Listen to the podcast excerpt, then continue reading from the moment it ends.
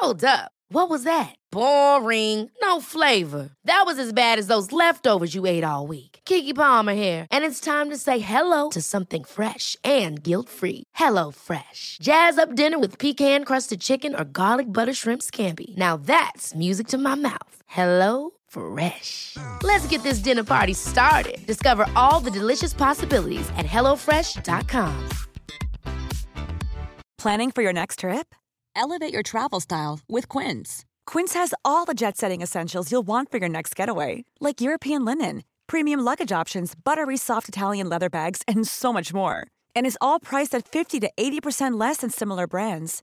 Plus, Quince only works with factories that use safe and ethical manufacturing practices. Pack your bags with high-quality essentials you'll be wearing for vacations to come with Quince. Go to quince.com/pack for free shipping and 365-day returns. Quality sleep is essential. That's why the Sleep Number Smart Bed is designed for your ever-evolving sleep needs. Need a bed that's firmer or softer on either side? Helps you sleep at a comfortable temperature? Sleep Number Smart Beds let you individualize your comfort so you sleep better together. JD Power ranks Sleep Number number 1 in customer satisfaction with mattresses purchased in-store. And now, save 50% on the Sleep Number limited edition Smart Bed for a limited time. For JD Power 2023 award information, visit jdpower.com/awards. Only at a Sleep Number store or sleepnumber.com. Jag vill tacka Valio som gör den här podden möjlig. Valio var först i Sverige med laktosfria produkter. Jag är själv laktosintolerant, vilket jag blev ett halvår innan jag blev sjuk i utmattningsdepression. Vi kommer att prata mer om hur magen påverkas av stress, så stanna gärna kvar till slutet av den här podden. Då kommer du få lära dig massa, massa mer.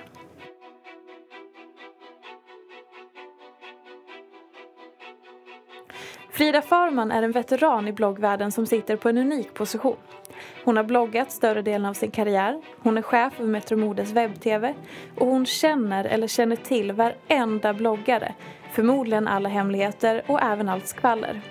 Frida är syster till en av våra mest framgångsrika bloggentreprenörer, Sofie Farman. De har båda jobbat hårt för att bygga upp sina personliga varumärken och är sedan länge kvinnor att räkna med i både bloggvärlden och modebranschen. Frida är en varm och rolig person som är noga med att balansera outfitbilder, coola frisyrer och vackra fredagsbuketter med ofiltrerade mobilbilder från vardagen. Hon berättar ibland om sin egen verklighet med missfall och skriver ord som tyder på att allt inte är perfekt. Frida är intressant på så många sätt. Vilka dörrar har bloggvärlden öppnat för henne? Hur är det att vara syster till en av Sveriges mest kända ansikten? Vad pågår egentligen bakom kulisserna i bloggvärlden? Hur har missfallen påverkat henne? Vem är egentligen Frida Farman? Jag önskar er varmt välkomna till podcasten Ofiltrerat med mig, Sofia Peterfia Sjöström. Frida, kan du berätta om din verklighet? Sitter här och gråter redan från början. Nej men gud! trodde det skulle ta en halvtimme. Och här har blivit så blö blödig. Det gick på två sekunder. Ja. Förlåt. Nej, det var ett jättefint intro Det är bara svårt ibland att höra någon annan sätta ord på sig själv. Ja. Tror jag. Eh, men eh, min verklighet är nog eh, till viss del av det du beskriver. Såklart. Mm. Men jag tror att min verklighet består av, av två sidor. Okay. Den ena som då är den offentliga och den som alla ser. Liksom. Och den som andra tror sig veta att jag är eller hur jag lever. Mm. Och den verklighet som jag väljer att visa upp. Men sen finns det också en riktig verklighet och det är ju den som sker hemma. Mm. Och det är ju kanske den som, så som liksom mina vänner känner mig och så som min familj känner mig. Och jag menar liksom inte att de här två världarna är så himla olika. Att jag här, spelar en roll eller att någonting är eh, det offentliga. Men eh, det är klart att de skiljer sig åt mm. jättemycket. Eh, men jag hoppas att min verklighet och mitt mål i livet är att leva väldigt mycket här och just nu. Så att ja, min verklighet är dagen idag.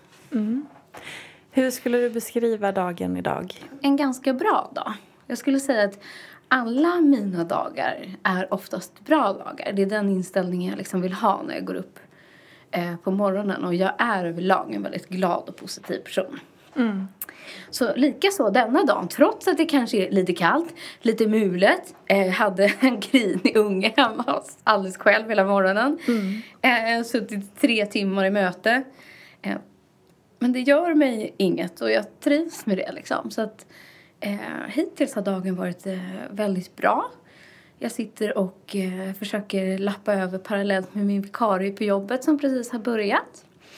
Eh, och jag ser framför mig liksom nedräkningen eh, ja, sådär tre och en halv, fyra veckor bort till en liten ankomst av bebis. Ja, just det. För du är, man kan räkna dig som höggravid nu. Det kan man absolut. Jag är i nionde månaden. Det är så skönt att du inte har fött än så vi fick ihop det här samtalet. Ja, du var lite orolig för det från första början. Ja, lite så. Ehm, om vi går direkt in på någonting som jag fick fram när jag gjorde min research på Ja. dig. Vi sitter ju mitt emot varandra på kontoret så jag har ju sett och googlat dig hela morgonen. Du kan sitta och titta på mig utan att jag vet om det. smyg, Ja. Ja. Eh, men då var det något inlägg ganska långt tillbaka. Ja. Eh, du har ju bloggat otroligt länge. Va, hur länge pratar vi nu? Men det kanske ändå, det är egentligen inte otroligt länge, eller det är ju Det skitlänge. känns länge. Men jag är inte de här, jag är inte inne på mina tio år. Nej, men Eh, nästan. Sju. Ja, det, då avrundar vi till tio. Ja, jag förstår. Då avrundar du bara. Jo, men jag tror att det är sju. Nu vid årsskiftet blir det sju. Ja, Eller blir det åtta? något sånt. Ja. Det är det ena eller det andra, men jag har tappat räkningen. Ja. Jag, jag, jag lovar att räkna den dag det blir tioårsjubileum. Bra. Men då i alla fall så hittade jag eh, ett inlägg där det handlade om att du fick en viss typ av eh, feedback eller kritik eller hur man vill formulera det. Som handlade om just det här du säger att du är en väldigt glad person. För då var det några läsare som påstod att du visar upp någonting som är perfekt och det är så orealistiskt och allting är superlativ och allting är så härligt och så. Ah, Och det här var ju ganska många år sedan. Eh, för när jag läste det här så kände inte jag igen det av min bild av Nej, dig. inte jag heller, tänkte jag Eh, säga. Så jag tänker att det här kanske var i början. Eller så. Kommer du ihåg att du har fått den här typen av kritik? Genom åren kanske? Eller tidigare? Eh, nej, inte direkt. Däremot så tror jag att jag är ganska tillbakahållsam när det kommer till eh, det mesta liksom, faktiskt och i vardagen. Och jag har inget behov av att skrika ut oavsett om jag är på lyxiga resor eller om jag eh, gråter en eftermiddag. Det är inte därför jag bloggar eller den typen av blogg som jag skriver. Ehm, och det kanske provocerar folk för att i andras ögon sticker det kanske att jag för det mesta just är positiv och glad. Och jag försöker ha en um, lättsam inställning liksom till vardagen för att livet blir mycket roligare då. Jag försöker se de små stunderna i livet. Eh, men däremot så vet jag att jag kanske bara efter ett år när jag bloggade, hade bloggat, eh, bröt upp med min dåvarande kille. Och då skrev jag det på bloggen faktiskt. Och sa verkligen så här hur jävla ledsen jag var. Och att jag bara grät och grät och grät. Så jag tror att jag har en tendens att eh, blomma ut eh, kanske eh, milstolpar. Om du förstår vad jag menar. Att jag gnäller inte så mycket över vardagsgnället. Just det. Över att jag har sovit dåligt eller en dålig dag eller jag är sjuk och snorig. Och, för det är jag, precis som alla andra. Men däremot när det verkligen gäller och det är någonting som verkligen sårar mig. ehm, då har jag faktiskt tagit upp det eller lyft det i bloggen. Vad får du för respons då? Vad skönt att se att du är mänsklig och att Ja. är precis som alla andra. Eh, nej men det är klart att, eh, att man får jättebra feedback och otrolig respons. Liksom. Det svåra är ju att sänka garden och blotta sig. Och våga göra det och ta det steget.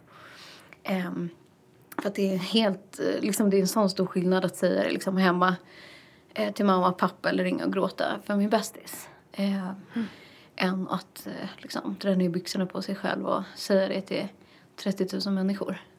Tänker du att det skulle kunna användas emot dig på något sätt? Om du blottar dig för mycket eller blir för privat? Nej, eller? verkligen inte. Inte på det sättet. Jag har inget problem med det. Jag som person är ganska öppen. Eh, och pratar både öppet och gärna med dem jag känner.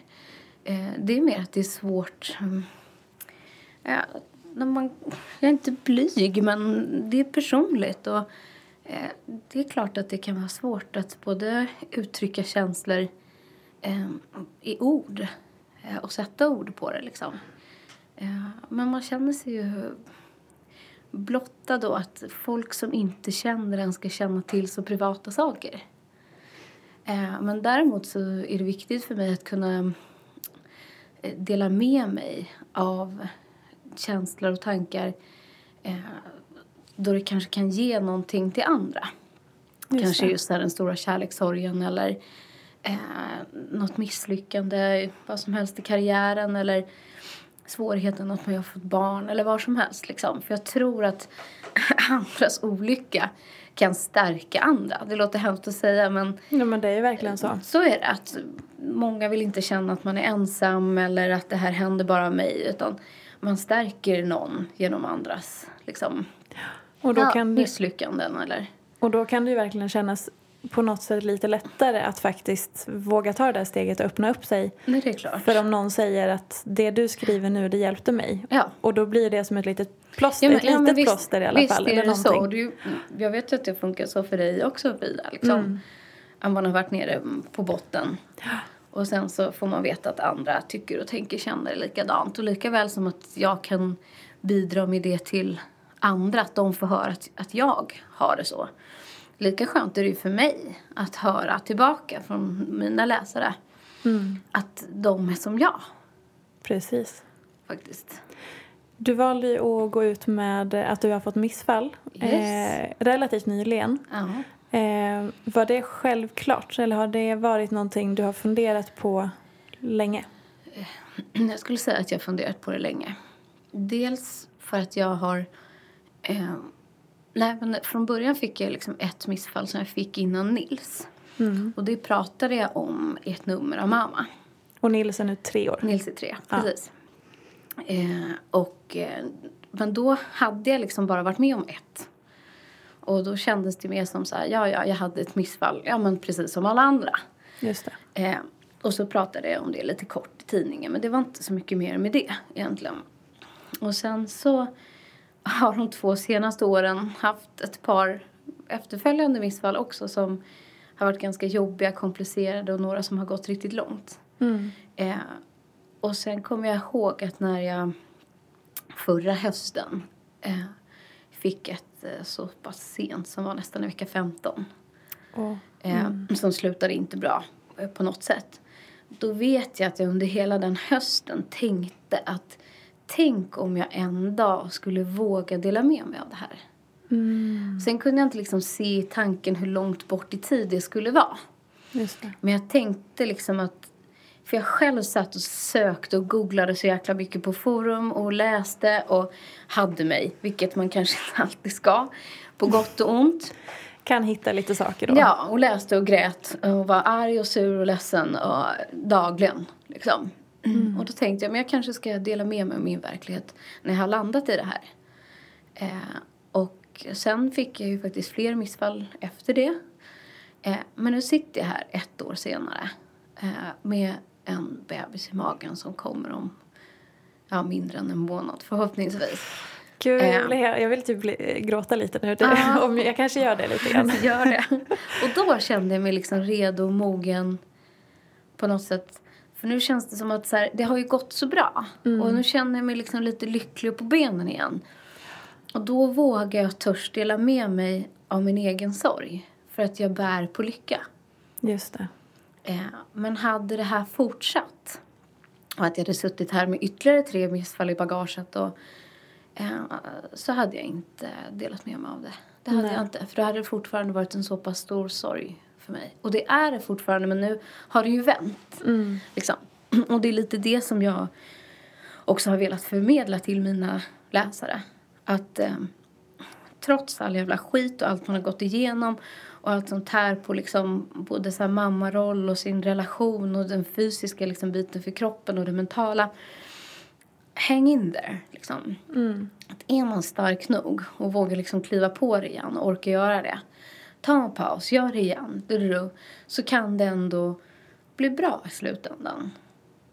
Så, och jag vill att folk mer ska se mig som ett gott exempel snarare än att de blir, blir provocerade. För jag vet att jag själv kunde bli det.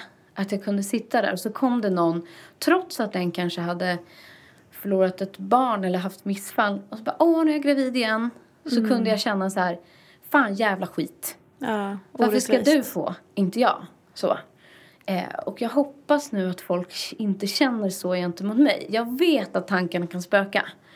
Och att man kan känna just missundsamheten mot någon. Trots att man inte vill det. Eh, och det är helt okej, okay, det får man göra. Men jag vill också mer vara den som ger hopp. Tror jag. Är det den responsen du får? Ja, det är faktiskt ingen som hittills har skrivit eller sagt så här. Eh, ja, men har du bara haft så där få missfall? Mm. Jag har haft 25. Liksom. Det, är det, är faktiskt ingen som har sagt det så här in my face. Nej. Absolut inte. Utan snarare så här, vad glad jag är för mm. din skull. Eh, för jag tror att alla de som vill ha barn och kämpar för att få barn eh, kan förbi, liksom se förbi sin sorg och den här missunnsamheten och någonstans se liksom glädje hos någon annan. Mm. För man vet hur kämpigt det kan vara. Ja, jag kommer ihåg när jag läste ditt inlägg när du mm. skrev det. Jag skickade sms till dig och sa mm. typ att jag sitter lite och gråter i soffan för jag blev så berörd. Ehm, och det är verkligen någonting som är otroligt privat och verkligen mm. har man aldrig varit med om det så går det inte att föreställa sig hur det kan vara. Så det är ju fantastiskt att du valde att dela med dig till slut. Och jag tror kanske det är det som är just länken att eh, även när jag sitter och pratar bland mina vänner, de som inte har haft problem att eh, få barn eller få behålla barn eller liksom kommer aldrig förstå. Nej. Hur nära de än står mig, hur mycket jag än älskar dem. Just det här kan de aldrig sätta sig in i. Liksom. Och jag tror att det är samma eh, när man läser om det jag eh, beskriver och berättar om. Att man kan nog känna sorg för mig och förstå liksom till en viss del.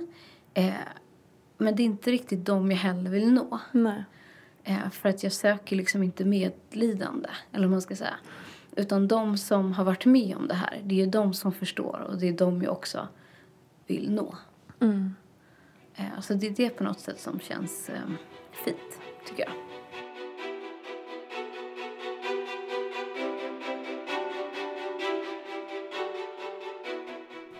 Det är verkligen hoppfullt att det känns som att eh, det vi gör just nu, sitta här och prata lite grann om eh, det ofiltrerade ja. och verkligheten och så.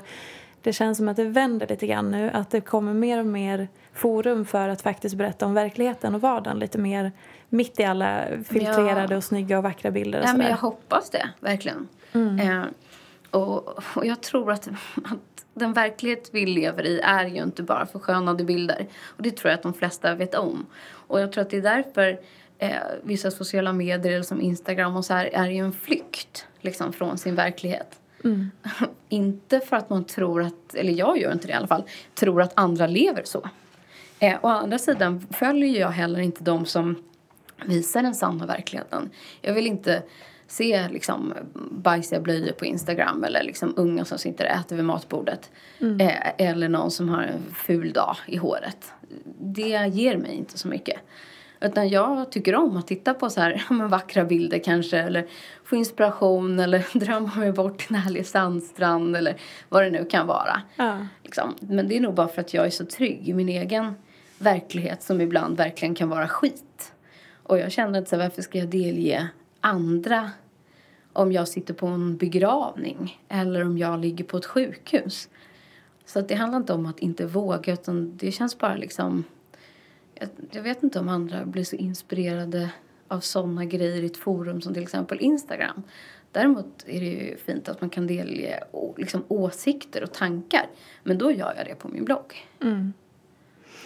När vi ändå är inne lite grann på just den här bilden som man eh, kan förmedla och så. Mm. Eh, jag nämnde ju introt din syster, ja. Sofie Farman. Ja, eh, ja.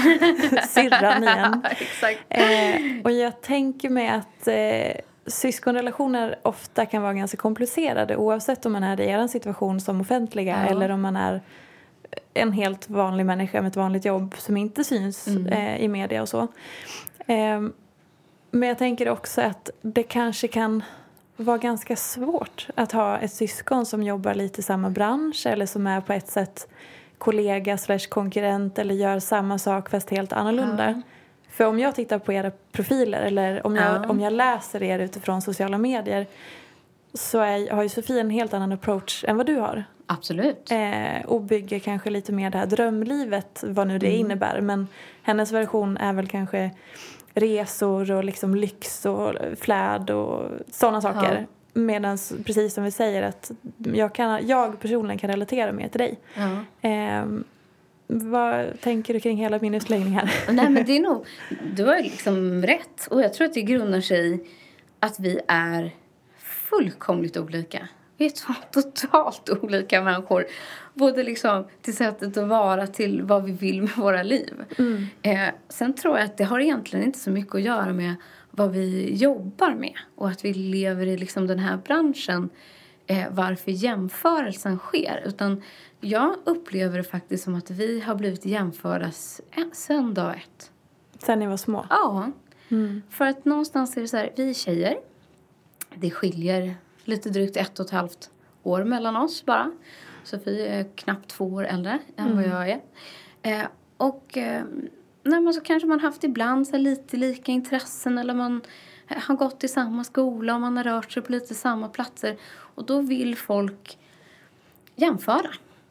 Det där är jättemärkligt. Och trots att eh, Sofie kom där som den liksom brunhåriga och brunögda, ett halvhuvud kortare än mig och jag var den fräkniga och blonda så kunde folk liksom inte eh, låta bli att säga så här, varför ska inte du fortsätta spela basket Frida? Nej men jag är inte intresserad av basket längre. Jag vill åka konståkning. Nej men Sofie spelar ju basket. Kunde folk säga. Eller, så men varför sitter du eh, hemma och ritar och målar på ditt rum? Men jag älskar att måla, jag tycker det är fantastiskt. Ja men Sofie kan ju inte måla. Kunde någon säga. Ungefär som att ni skulle vara samma människa då? Eller? Ja, att liksom tvillingar? så. Att, ja, det var så lätt att liksom jämföra eller tycka eh, lika. Och det är samma sak idag faktiskt. Nu när vi är så vuxna och stora. Eller vad man ska säga. Och man då jobbar med lite liknande grejer. Så kan folk eh, fortfarande tycka. Hur kommer det sig att ni gör samma grejer? Men varför gör du så här och inte så här? Eller tycker du inte om det här? Eller här grejer. Nej, varför skulle jag? För att jag, jag är en helt annan. Ja. Eh, och ibland kan jag liksom, jag skrattar ju själv åt ibland hur fruktansvärt olika vi är. Ja. Både i så smak, när vi gäller liksom, om vi ska välja från menyn eller titta på en kille. Men också eh, hur vi vill leva våra liv eller förmodligen också hur vi är som föräldrar. Ja, och jag tror att våra föräldrar ställer oss ganska frågande ibland. Hur kunde ni bli så jäkla olika? Ja. Men sen tror jag att det också så här, det finns vissa saker som kopplar oss samman. Inte bara att vi har jättelika röster, som folk kan bli väldigt lurade av. Eh, och att vi kan skratta likadant ibland. Eh, men that's it. Eh, så tror jag att vi har vissa så fundamentala grejer som är lite så här lika. Vi, eh, kanske arbetssinnet och den typ av arbetsmoral man har. Vi är, två, vi är väldigt punktliga av oss och eh, noggranna när det kommer till vissa grejer. Och, eh, så här, kanske synen på livet och, ehm, och sådana saker. Och liksom relationen till familjen och lite sådana grejer. Där är vi, där är vi liksom lika. Men inte i tycke och smak. Och absolut inte i personlighet skulle jag säga. Nej. Jag vet inte om hon tycker, tycker som jag. Det har För vi vi får se när hon lyssnar på det här. exakt. Men eh, nej, nej, jo, men jag vet ju att hon tycker visst att vi är olika. vi brukar ibland säga, eller vi har sagt någon gång att vi har hittat varsin snubbe som är som den andras. Liksom, eller som den andras. Att min kille är mycket mer som Sofie. Aha. Och Sofies liksom, fästman är ganska mycket som jag ibland. Ja, vad intressant. För annars brukar det vara att man faller för sin en version av sin pappa. Men ni Nej, körde han är inte inblandad i det här fallet faktiskt. Ni körde syrran istället. ja, exakt så. Eh, men eh, jag, jag, jag förstår ju hur, hur ni ser på saken. Mm. Eh, och jag kan bara tänka mig hur fruktansvärt irriterande det måste vara ibland när andra i branschen återkommer till det här. Att så här, ja men Frida, hur är det med nu med syrran? Eller, Det är skitjobbigt. Ja. Ja, störigt. Ja. Och i början, eller för länge sedan tror jag, så här, jag reflekterade inte över det. Men nu är det ju konstigt och helt ärligt Fia, det här hände mig alltså två gånger förra veckan. Va? Och jag vet att du och jag så pratat om det här Ja. lite innan. Ja. Eh, men två gånger hände det förra veckan när folk kommer fram och bara hej hej, så här, är det bra, hur är det med Sofie? Är det det första de säger? De frågar liksom inte så här, de kan fråga hur mår du? Men jag hinner inte ens svara om jag mår bra eller dåligt eller de, naturligt nu kanske är så här, Åh, ska du ha barn eller när kommer bebisen Ja. eller eh, vad som helst. Nej, nej, Men- det är Sofie. Ja, så blir liksom den indirekta första frågan så här, hur mår Sofie? Vad är hon? Vad gör hon? Hur mår hon? Och då kan jag känna så här, är det liksom, är det det som är viktigt? Eller varför frågar du det? Eller jag har ingen koll på henne. Jag kan inte svara åt henne hur hon mår eller vad hon är. Jag vet inte alltid det. Plus att så här, är det så jävla ointressant att prata med mig? Har du ingenting annat att säga till mig? Så att du måste fråga om det. Eh, men som sagt, det hände två gånger förra veckan med två personer som jag ändå känner helt okej. Och jag kan inte förstå varför de har liksom, ja eller varför man ställer en sån fråga faktiskt. Nej, det är väldigt spännande. Ja. Nu ska jag våga mig på någonting här Ja. och analysera lite. Shoot. Eh, tror du att det kan ha att göra med att ehm, i och med att hon har bilden av sig själv Ja. eller av henne på sociala medier eller bilden liksom som henne som yrkesperson är den här drömmen. Easygoing, den här overkliga ver- vardagslivet med liksom Ja. en alptopp där och södra Frankrike där och resor New York och liksom Ja. det händer grejer hela tiden och liksom chill person så. Eh, Allt det här. Att det gör att folk kanske, och sen så är du här hemma i Stockholm har ändå förskolehämtningar Ja. och du har ett vardagsliv och liksom så och kanske inte är lika mycket synas och höras hela tiden. Även om du syns och hörs så kanske det är på liksom en lite annan nivå. Ja. Kan det vara så att folk då att du kommer i skymundan eller liksom att man bara så här Ja men Sofie, alltså förstår, alltså Ja. utan att mena något elakt där att det, att det Men liksom så var det nog mer att när Sofie bodde i Sverige Ja, eh, så kunde ju folk fråga och träffa henne själv. mm, Nu gör de ju inte det. Nu har de liksom ingen kontakt med henne eller träffar inte på henne. Just det. Ehm, på det sättet i och med att hon inte är här och bor inte här. Ehm, så det kan nog vara, mycket det. Men jag, nej, jag tror mycket mer att så här, är det den länken vi har när jag träffar de här personerna. Fast å andra sidan kan jag uppleva så här, jag känner henne bättre egentligen kanske än vad Sofie gör. Men är, har våran gemensamma länk genom åren blivit liksom att du känner oss båda två? Liksom. Just det. Eh, så att eh, det blir naturligt att fråga men ehm, jag, vet, jag vet inte varför folk eh, Det kanske blir lite så här mystiskt också. Ja. Att någon är liksom borta på resande fot och så att det är lite Eller så spännande. tror folk att de är trevliga när de frågar Så kan mig. det vara. Jag vet inte. Och så här, de vet ju att jag och Sofie är väldigt nära liksom, varandra och vi umgås och hörs och liksom så här, på det sättet. Så de kanske bara vill vara artiga.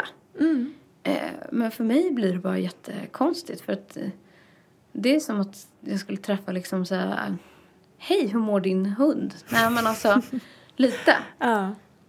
Så här, här är jag, här står jag, fråga om mig liksom. Mm. Ehm, Det blir lite av en förolämpning nästan. Eller liksom absolut. En, ja. Så. Det blir i alla fall väldigt konstigt. Men, men det där har jag fått dras med liksom, ja men jag tror sedan man var, var liten. Och jag vet inte om samma grejer hände Sofie. Det vet jag faktiskt inte. Det kan vara så att hon träffar folk eh, som säger så här, hej, är det bra eller hur är det med Frida? Mm. Det vet faktiskt inte jag. Och det, det är inte helt omöjligt. Nej. Att det kanske är precis åt andra hållet också. Ja men såklart. Ja. Men att man, eh, och ändå är vi så här att vi inte sitter ihop, du vet, har piff och puff-effekten liksom. Mm. Eh, utan eh, är mer åtskilda. Men sen tror jag just att, att när folk eh, också så här, du har ju kunnat läsa lite mellan raderna och kan separera liksom och se våra skillnader. Men jag tror att de som känner oss, alltså våra liksom närmsta vänner och familjer, de skulle nog säga att vi inte har särskilt mycket gemensamt. Alltså egentligen så. Och det är ju helt naturligt. För så Ja. är det ju med alla. Alltså oavsett. De flesta syskon är väldigt, väldigt Ja. Utan vi har liksom hittat våran grej där vi trivs med varann. Liksom. På vilka sätt som vi, vi kan umgås eller vara eller eh, så. Mm. Men övrigt liksom skiljer vi oss jättemycket åt. Och så får det ju vara. Ja, det är ju inget sen är det konstigt. jättesvårt ibland att kunna acceptera vissa saker även för mig. Att det är så. Att vi vill olika, olika grejer eller hur kan hon resonera så och så blir jag irriterad och hon tvärtom på mig. Mm. Du går runt där och liksom som en liten tant och pyntar. Liksom. Är det du som är tanten då? Ja. Eh, och så här, hur blev det så? Eh, så det kan man också förundras över och irriteras över. Liksom. Men det är som du säger, det är en acceptans. Mm. Eh, att med syskon så både tvingas man nog att acceptera och, och för att man vill acceptera. Med vänner med åren har jag snarare valt bort istället. Gjort slut med dem? Ja, när det inte funkat. Hur, eh, hur gör man slut med en vän? För det där är ju skitsvårt. Jag har varit med om det några gånger men... Det är jättesvårt, ehm, såklart. Eh, jag tror att det oftast pågår under en längre tid, eller en process som man processar i huvudet tills det eskalerar i någon sorts konflikt eller någon situation när man känner att det inte är okej. Mm. Eh, och då måste man, eller i mitt fall har det varit jag, eh, ta upp det och säga det. Rent konkret att säga så här att jag accepterar inte ett sånt här beteende. Jag har inget behov av att eh, vara med någon som faktiskt beter sig som du eller är som du i min bekantskapskrets. Och då har jag också sagt att så här, jag säger inte att vi aldrig mer ska vara vänner. Jag måste bara få distans från det här. Mm så här, jag kan hålla dig på en armlängds avstånd. Eller jag kommer inte kanske höra av mig eller ta initiativ i din och min relation längre. Eh, jag har dig gärna som vän och jag har inga problem med att vi ses. Eh, men de här grejerna är övertramp för mig. Och därför kommer jag från och med nu hålla dig ifrån mig. Och eh, jag hoppas att du förstår varför det är så. Har de gjort det? Ja, det har de. En tjejkompis som fortfarande är, ja, men är ganska nära i mitt gäng fast vi umgås inte på det sättet nära längre. Eh, och kanske för att man då accepterade, hon tyckte kanske som jag. Att här, vi kan jättegärna umgås på middagar och vi har trevligt och det är liksom inget otalt, vi är inte osams, inget sånt. Hon är fortfarande en jättenära vän. Men vi umgås inte på tu man hand hon och jag längre. Vi åker inte på semestrar och sådana saker. Just det. Um, så där har det nog varit en acceptans. Um, en annan tjejkompis tyckte jag gjorde ett ordentligt liksom, övertramp. Eh, och det var svårt, för vi har också känt varandra ganska länge sedan vi var små. Och sen ja, det liksom var en incident för två år sedan. Och nu kramas vi och kan säga hej och ses på en middag. Mm. Men hon vet att jag fullkomligt tappade respekten för henne. Mm. Och jag kommer aldrig någonsin få tillbaka den. Men vi kan ses i sociala sammanhang. Men eh, eh, ja, så är det. För just, just den där eh, biten att man verkligen bryter. Ja, det har jag nog aldrig gjort. Det här, är svårt. Att jag aldrig sagt så här, hej då, vi ses aldrig mer. Nej. Nej, för det är jättesvårt, speciellt om man bor i samma stad och har samma vänner och sådär. Ja, jag tänker liksom, vad ska till för att det ska ske? Mm. Ja, sådär. Men en tjejkompis bröt faktiskt med mig en gång. Okej. Okay. Eh, på det sättet, lite. Sen Tack och hej, vi ses aldrig mer. Nej, eh, så var det inte riktigt. Men det var under ett par år där vi faktiskt inte umgicks. Och det var på grund av en kille som hon tyckte inte var bra för mig.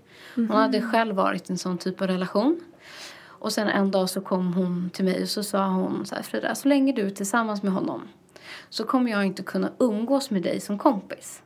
Jag är fortfarande din vän och jag finns här när det skiter sig. Inte om, utan när det skiter sig. Okay. Då finns jag här.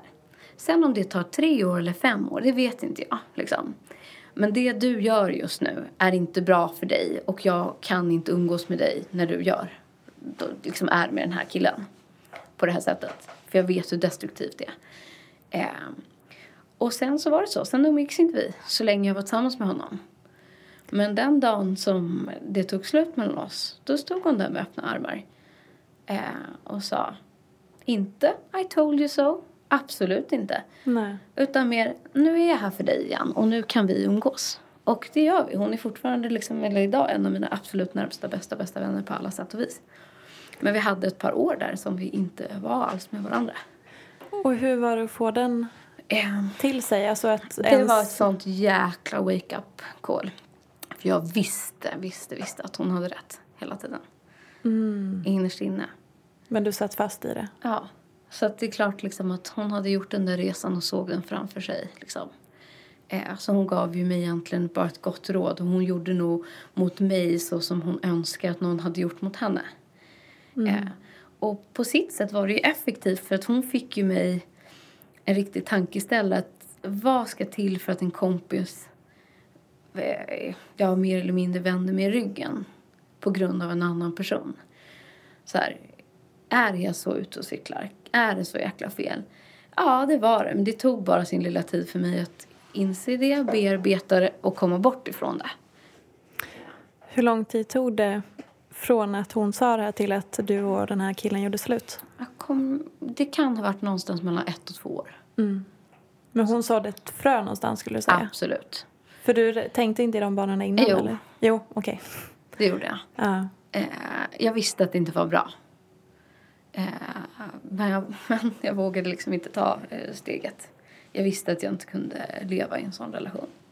Men hon såg också saker som inte jag såg och hon såg saker som jag gömde och förnekade.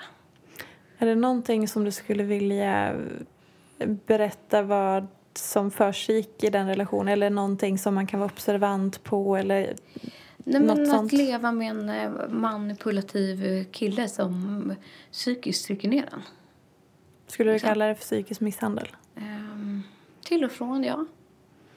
Ehm, som kan oftast vara väldigt passionerat och det är det som håller en kvar för att det är oftast mycket liksom kärlek och förälskelse.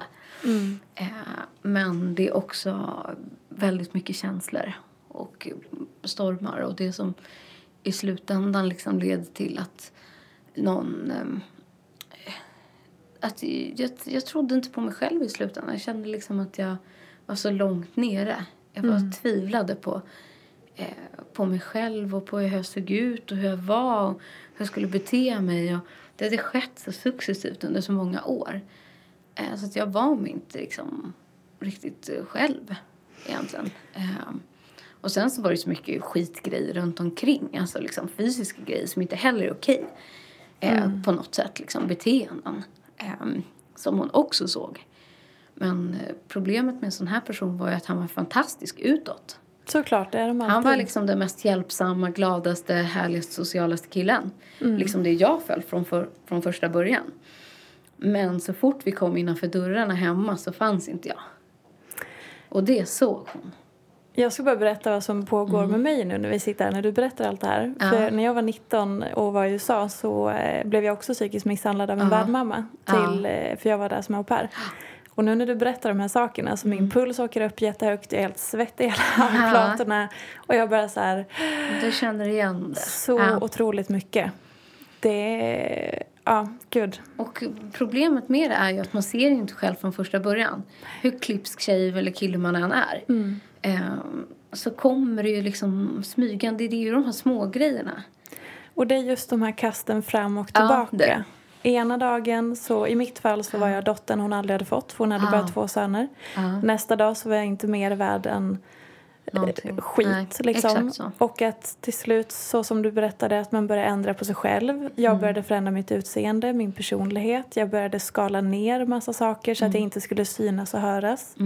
Ändra, försöka passa in, försöka vara som henne för att hon gillar väl sig själv. Ja. Hela den biten. Exakt eh, som jag. Bryta ner, pussa. Det är som att man bara så krossar en Ja. vas och sen så väljer de själv vilka former de ska sätta tillbaka någonstans. Ja, exakt så var det för mig med. Och det var därför jag tror att ett uppbrott tog så lång tid. För att jag var tvungen att göra slut med en person som jag fortfarande var kär i. Jag var ju liksom kär i den här killen. Fast jag visste att det han gjorde var inte bra för mig. Eh, Men ju längre bort man kom från sen kärleken och förälskelsen, ju mer öppna ögon fick man ju. Och så stärkte man ju sitt självförtroende lite och lite. Och sen har det tagit liksom många år att kunna se tillbaka och förstå vad det faktiskt var man levde i, eh, i då. Och det som kanske är mest skrämmande är ju att man, bör, man tror att det här är sanning. Ja. Det som personen förmedlar Ja, ja. till en. Ja, gud, det tog jättelång tid. Ja. Ler jag. Ja. Men det tog jättelång tid att förstå att det inte var lögner. Eller alltså så här, för att hör man någonting tillräckligt många gånger då tror man ju på det till slut. Ja men det blir ju Ja, verkligheten. ja. Exakt så. så att, ehm, nej, så det var svårt. Så att, ja, det var en klok vän som såg det jag inte såg. Skulle jag säga.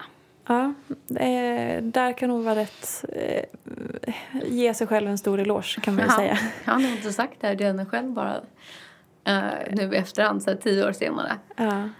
Nej men... Eh, Men jag ska nog göra det. Ja.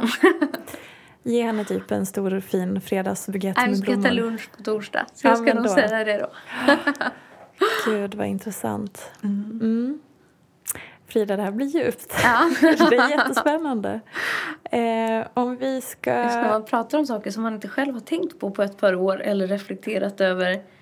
Eh, men det är jäkligt nyttigt att just få tänka och sätta ord på vissa saker. Mm. Som kanske jag bara gått och tänkt på hemma på min lilla kammare. Jag är glad att du vill dela med dig. För det, det bara kommer ut. Inte lätt. Det går inte att hindra henne. Exakt. Håll i er.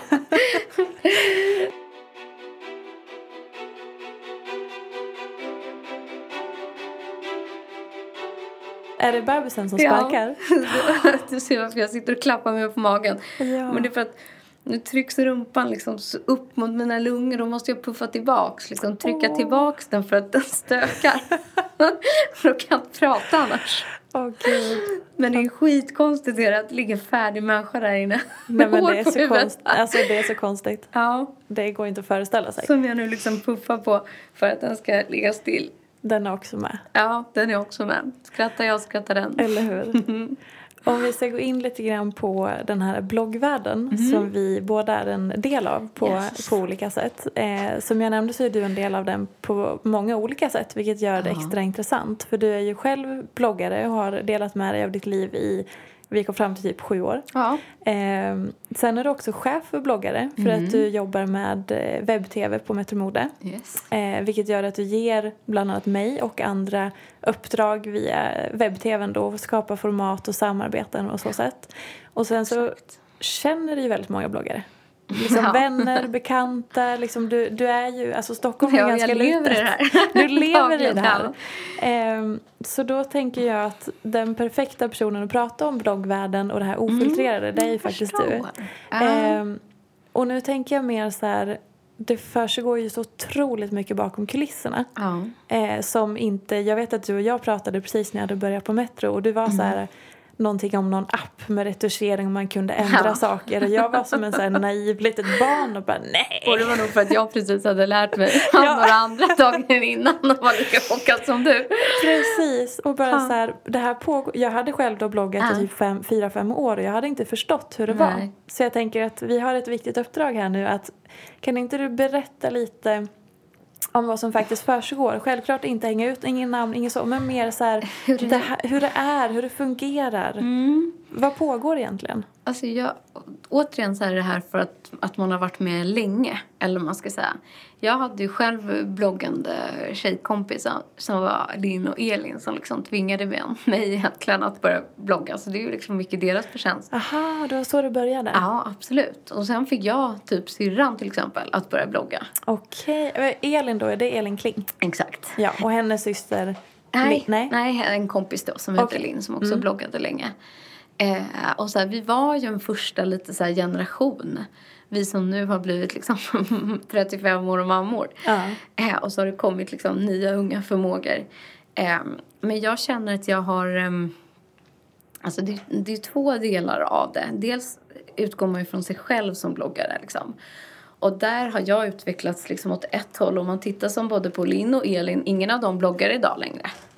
Liksom. De har ju lagt ner sitt. Jag har valt att fortsätta för att jag tycker att det ger mig så mycket. Men jag har bara försökt hitta en annan väg. Det går inte att blogga på samma sätt som man gjorde för sju år sedan. Eh, dels för att jag lever ett helt annat liv och är en helt annan person. Men också just hur den sociala liksom, sfären och slash marknaden faktiskt ser ut nu. Eh, så funkar det inte bara att kanske ha en blogg, ta en bild med en taskig kamera där du kapar huvudet eh, Det var så det började? ja, det var så det började. Just det. Eh, idag är ju allting liksom superproffsigt och det har blivit en business. för många. Och där du också eh, integrerar andra kanaler som din Youtube-kanal, din Facebook, eh, din Instagram och kopplar på ett, liksom, ett totalt digitalt flöde där en blogg är en del av det. Och allting sker superprofessionellt.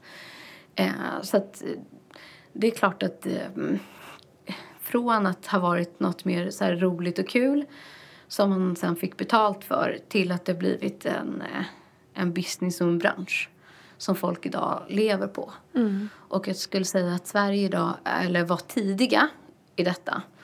Men nu har det faktiskt kommit andra stora, liksom, jag skulle säga världsstjärnor, bloggare från eh, andra länder som har klivit in på den här liksom, internationella scenen och också tar för sig. Vi har ju ett par som kanske hänger med där och det är väl framförallt Kinsa kanske som har, vad har hon, 1,2 miljoner följare på Instagram. Ja, och också börjat umgås med de här äh, tjejerna som reser runt världen mm. äh, och lever samma typ av liv med henne där man hittar liksom en connection. Just det. Äh, och Angelica Blick gör samma sak. Mm. Äh, Janni Deler gör samma sak. att de, ja men det handlar mycket om så här, det resandet och man kopplar på liksom eh, flera kanaler och man designar och man gör grejer och sådär. Men, eh, men jag tror det som rör sig i kulisserna, eller det som har varit min balans är ju eh, och har varit svårt är också att skilja eh, yrkesrollen mot bloggrollen. Som du säger, att jag mm. lever i bloggvärlden. Eh, men för mig har det varit otroligt viktigt att, att när jag är på jobbet Metrojobbet? Ja, precis. Eller Kanal 5 tidigare ja, också? till exempel. Då är jag på jobbet och jobbar eh, liksom professionellt och chef. Liksom. Eh, och då måste jag kunna gå in i ett sammanhang där det finns bloggare som inte bara är mina vänner eller ser mig som en bloggtjej. Mm. Och då har jag försökt separera liksom att eh, min blogg ska ligga på mamma och den rör inte bara mammalivet. Absolut inte.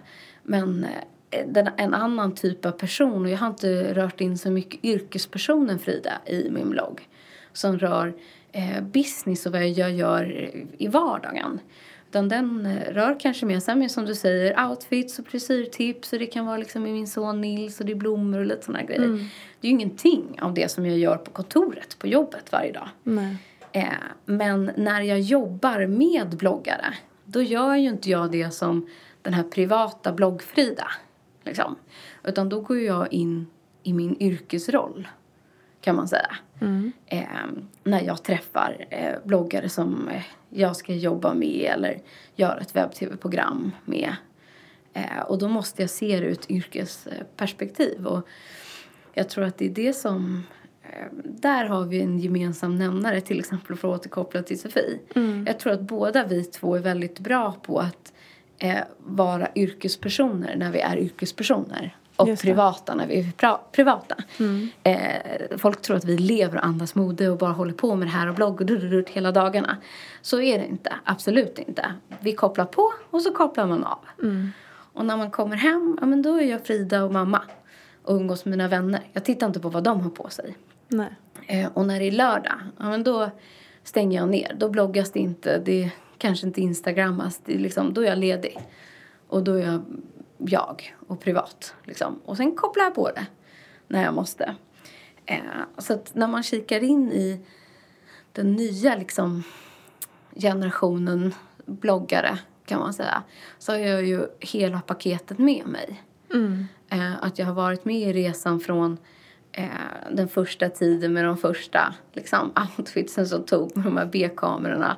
Man kanske fick låna en, liksom, en klänning om man hade tur. Ja. Eh, och nu funkar det på ett helt annat sätt med yngre tjejer och killar som gör det här till en professionell eh, business eh, på något sätt. Och, och jag skulle säga att den stora skillnaden är ju idag att vi får se väldigt, väldigt lite av det privata mm. i, i bloggbranschen. Om du inte väljer att ha liksom en ja, men en provokativ blogg eller där du skriver mycket om känslor och berättar om saker. Men majoriteten gör ju faktiskt inte det utan jag tror att du syftar mycket till eh, kanske återigen lite så här det här livsstilsmodebloggs mm. eh, nischen som fortfarande finns. Där Precis. det är fantastiska bilder från en strand på Hawaii och nästa stund är du på Bahamas och sen står du superproffsad av någon fotograf.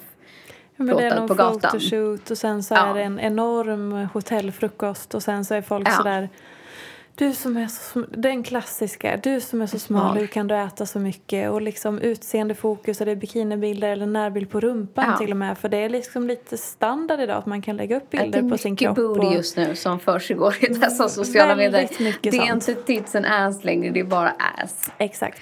Eh, så tror jag att eh, jag har ju varit med om, eller är dagligen med om att många tjejer blir jättefina på bild. Men eh, jag tycker att folk ska tänka efter. Har ni sett dem i några rörliga sammanhang? Har ni hört dem prata? Nu kommer dialekten. Pratar du så här? Och då är det bara, va? Gör hon? Hade ingen aning, till exempel.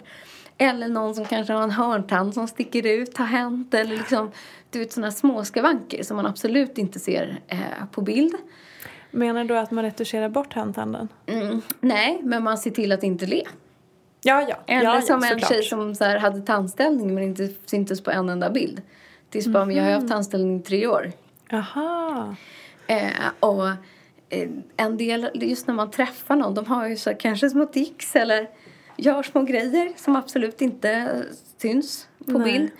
Och eh, jag vet en stor bloggtjej som i väldigt många år liksom eh, superfin på sina egna bilder men ställde aldrig upp i några andra sociala sammanhang. Hon kom till Fashion Weeks. Liksom. Men då var hon inte med på bild, hon ville aldrig vara med på något rörligt, hon ville aldrig vara med på några intervjuer. För att hon var liksom någon helt annan. I mina ögon i alla fall. Vadå, alltså att hon ändrade utseendet? Och, ja, och personlighetsmässigt. Väldigt blyg då eller? Ja, dels det men också mm, eh, ja, men såg ut liksom på ett annat, på ett annat sätt. Det blir väldigt speciellt då för att då kanske man inte... eh, Det blir märkligt då för man ser, man ser ut på ett sätt tänker man när man Ja. är liksom naiv. Ja. Och sen så tänker man att nej men idag så ser man ut på två sätt. Det är så som man ser ut på bild om man vill. Ja, och sen hur man beter sig och rör sig Ja. i verkligheten. Absolut. Och jag tror att det är det som skiljer de här två blogggenerationerna lite. Att så här, vi som började lite från början, men det var Sofie och Ebba och jag och Linn och Elin och company. Det var väldigt ofiltrerat. Ah, fint. Snyggt. Eh, och där liksom, det är så vi är och det är så vi ser ut. Och det är liksom så. Det fanns inte så mycket och sen hade jag fått följa med oss. Vi kan inte börja hålla på och retuschera oss själva nu så här, tio år senare. Eh, Oh. Men eh, de yngre tjejerna ska jag säga att när jag träffar dem, en, en grej som jag reagerar på till exempel är att de oftast har väldigt, väldigt mycket smink. Alltså jätte, jätte mycket smink. Och någonstans är det så att när du är med på tv eller film, eller liksom fotar, då måste du använda mycket, mycket mer smink för att det ska bli bra på bild eller för att det ska synas. Eh, man brukar säga att det är liksom en teater-makeup som du lägger för att du ska kunna vara på scen i ett par timmar och samma sak inför vilket photoshoot som helst. Det är som en kaka som läggs på. Ja, exakt. Allting är dubbelt så mycket som man lägger en vanlig fest-makeup. Eh, men många av de här tjejerna går runt så här alltid till vardags. Och kommer man då liksom 30 centimeter nära så ser ju inte det här klokt ut. Nej. Alltså det är ju ditmålade ögonbryn. Det är ju liksom, ansiktet är ju helt slätt. Men det är för att det ligger liksom ett lager med makeup. Allting är ju dit eh, målat i Så då ansiktet. har- då eller vad man ska säga. Då kan man verkligen använda den här frasen jag ska bara sätta på mig ansiktet. Ja, verkligen. Ja. Och, nej men så här, och läppen kanske då är målad utanför den vanliga läppen för att man ska få en stor mun. Men, jag, man ser ju det på nära håll. Liksom. Men inte på bild. Men inte på bild. Liksom. Och det är samma sak att en lösögonfrans. Eh, kommer jag riktigt nära så ser ju jag om det är ett eller två lager och de är alldeles för långa. Och det bara klumpar av mascara. Men på bilden så blir det ganska snyggt. Allting blir jättesnyggt. Ju mer du har på en bild nästan desto snyggare blir Ja. det. Lite så kan man säga. Och det är samma så här, jag kan ju se om någon har lagt en skugga över sina bröst. Jag ska nu förklara att om du har en push-up liksom, så kan man lägga eh, en ljusare skugga där kullen liksom, på bröstet börjar. Och sen drar du konturer i form av skuggor, liksom ögonskuggor. så Alltså- att det ser ut som att du får en, en klyfta. Gud, det skulle jag behöva. Så att du målar en klyft, ett V mitt på bröstkorgen. Du, du sminkar alltså du tuttarna? sminkar tuttarna, precis. Okej. På bild syns ju inte det. Nej. Nej, men kommer du i verkligheten så ser du att någon har sminkade bröst. Förstår du vad jag menar? Men på en bild så kan de forma till konturer eh, av, som ger en illusion. För att man då ska se ut som man kanske har eh, ett par eh, större bröst till exempel. Och samma sak att det är inte jättesnyggt med spraytan i verkligheten. Det ser oftast onaturligt ut och drar åt ett håll. Men absolut, men på en bild så ser du ju oftast kanske både smalare ut, dina konturer kommer fram så att du kan se mer vältränad ut.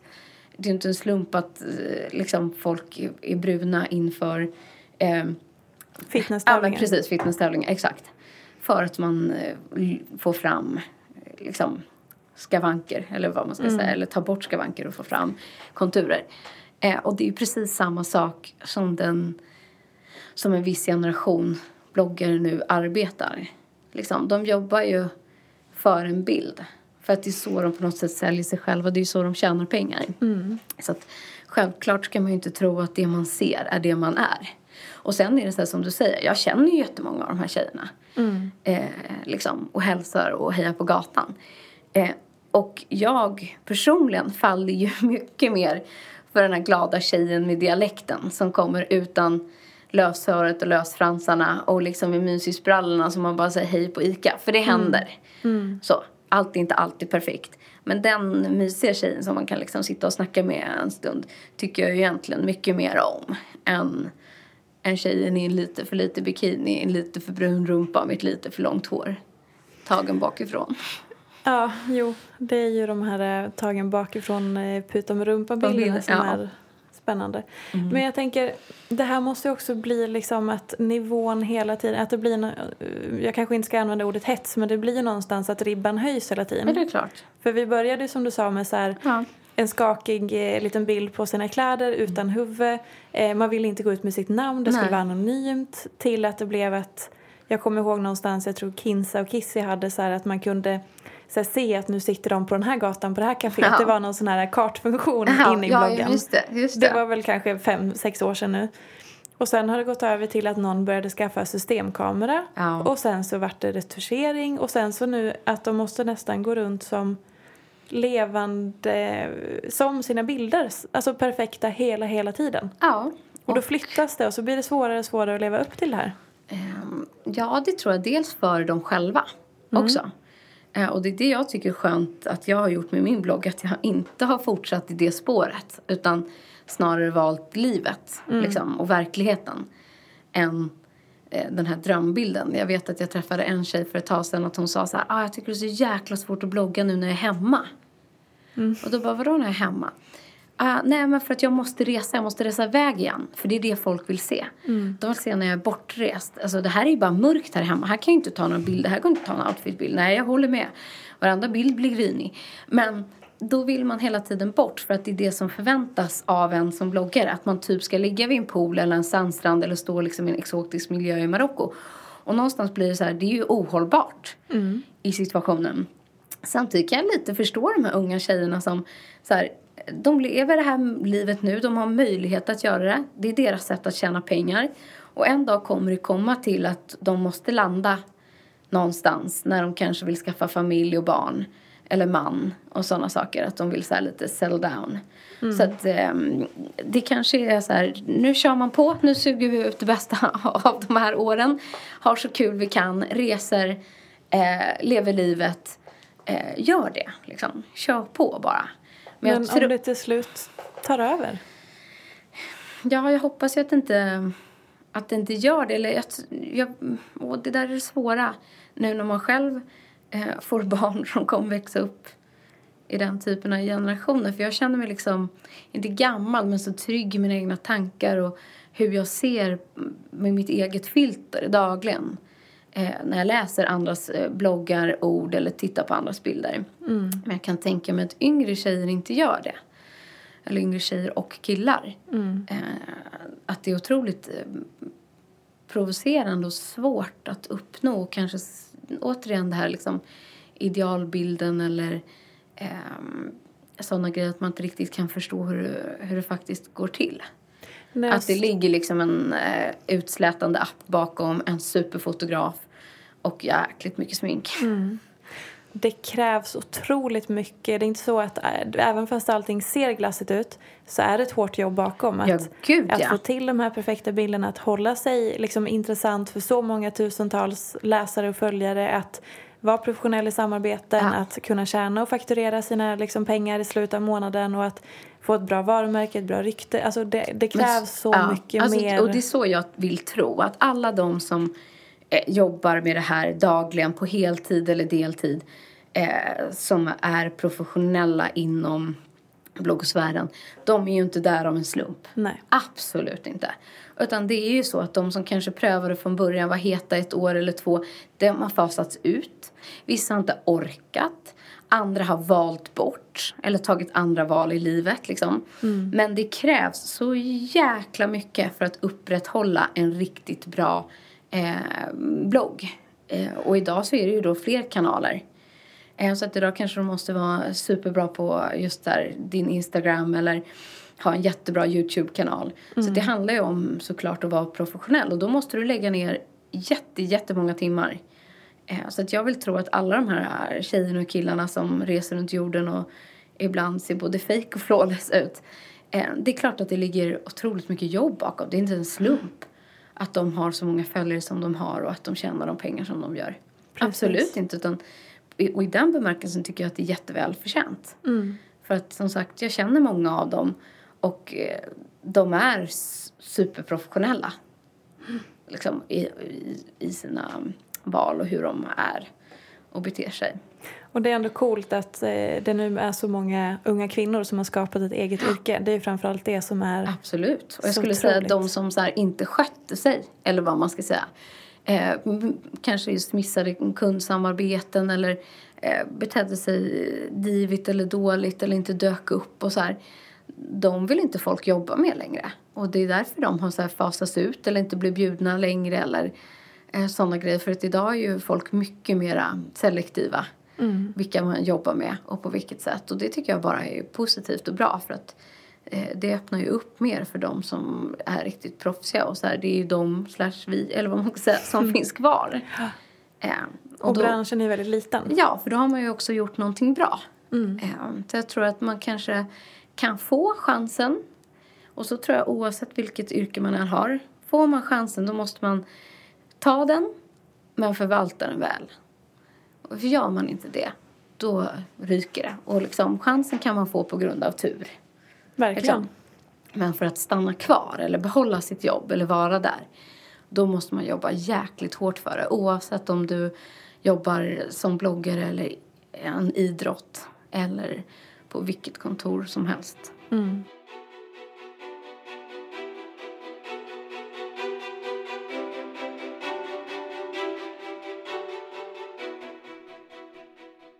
Kloka slutord där. Vi får börja mm. runda av för du ska ja. vidare på nästa möte. Ja, det ska jag. kan bli sent. Eller hur? Sa jag som är så punktlig och gav mig. Ja, mm. nej men vi stryker det sen. tack snälla Frida för att jag fick låna din tid. Ja men tack själv Fia, bara trevligt att vi... få en härlig djupdykande pratstund tillsammans ja, med dig. Hur? Mm. Ni hittar Frida på Mamma, mm. där din blogg ligger och den heter bara Frida Farman. Precis. Och Instagram finns du på? Frida Farman. Frida Farman, mm. lätt att komma ihåg. Ja. Och ni får jättegärna diskutera den här podcasten under hashtaggen podcasten ofiltrerat och mig hittar ni på peterfia.se. Tack för att ni lyssnade. Tack, tack. Hej då!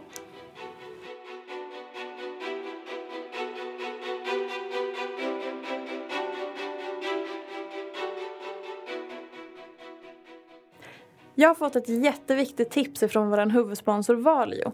De påminner oss om hur vi kan göra om vi har en stressig period i livet. När vi är stressade så brukar magen ofta protestera på ett eller annat sätt och då är det jätteviktigt att komma ihåg hur vi äter. This is Paige, the co-host of Giggly Squad and I want to tell you about a company that I've been loving, Olive and June. Olive and June gives you everything that you need for a salon quality manicure in one box. And if you break it down, it really comes out to $2 a manicure, which is absolutely insane. It's also so easy to get salon worthy nails at home with Olive and June. The difference between how your nails used to look when you did them yourself and now with the Manny system is a complete game changer. The best thing about Olive and June too is it's a quick dry, dries in about one minute, lasts for five days, and full coverage in up to one to two coats. Visit oliveandjune.com slash perfect Manny 20 for 20% off your first system. That's oliveandjune.com slash perfect Manny 20 for 20% off your first system. Hold up. What was that? Boring. No flavor. That was as bad as those leftovers you ate all week. Kiki Palmer here, and it's time to say hello to something fresh and guilt-free. Hello Fresh. Jazz up dinner with pecan-crusted chicken or garlic butter shrimp scampi. Now that's music to my mouth. Hello Fresh. Let's get this dinner party started. Discover all the delicious possibilities at hellofresh.com. Even when we're on a budget, we still deserve nice things. Quince is a place to scoop up stunning high-end goods for 50 to 80% less than similar brands. They have buttery soft cashmere sweaters starting at $50, luxurious Italian leather bags, and so much more. Plus, Quince only works with factories that use safe, ethical, and responsible manufacturing. Get the high-end goods you'll love without the high price tag with Quince.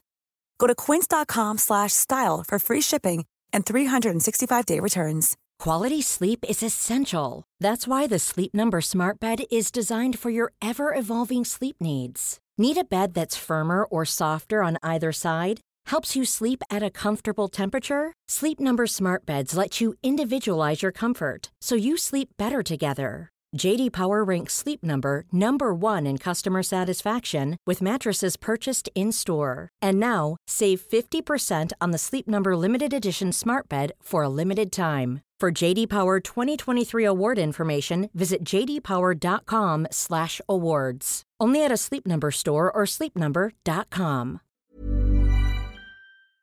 Att inte bara fortsätta stressa, tugga sig igenom måltiderna, svälja maten hel och glömma bort det här med att faktiskt påminna oss om att vi sitter och äter här och nu.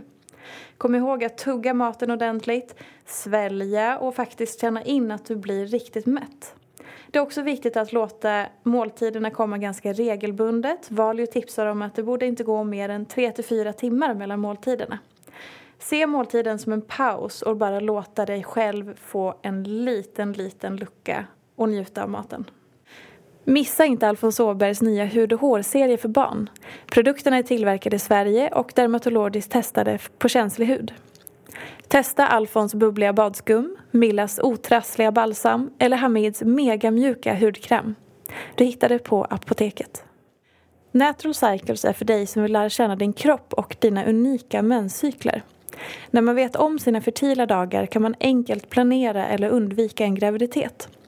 Med en rabattkod, METRO2NC, får du nu 50% rabatt på ett års abonnemang. Rabattkoden är alltså METRO2NC.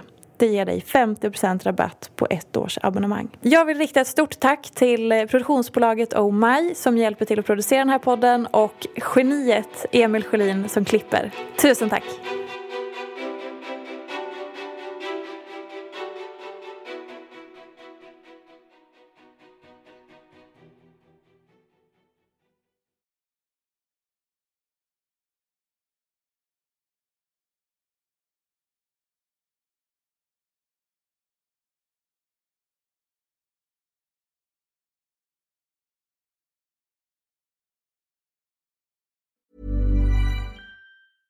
Mom deserves the best, and there's no better place to shop for Mother's Day than Whole Foods Market. They're your destination for unbeatable savings, from premium gifts to show-stopping flowers and irresistible desserts. Start by saving 33% with Prime on all body care and candles. Then get a 15-stem bunch of tulips for just $9.99 each with Prime. Round out Mom's menu with festive rosé, irresistible berry chantilly cake, and more special treats. Come celebrate Mother's Day at Whole Foods Market. Mom deserves the best, and there's no better place to shop for Mother's Day than Whole Foods Market. They're your destination for unbeatable savings, from premium gifts to show-stopping flowers and irresistible desserts. Start by saving 33% with Prime on all body care and candles. Then get a 15-stem bunch of tulips for just $9.99 each with Prime. Round out Mom's menu with festive rosé, irresistible berry chantilly cake, and more special treats. Come celebrate Mother's Day at Whole Foods Market.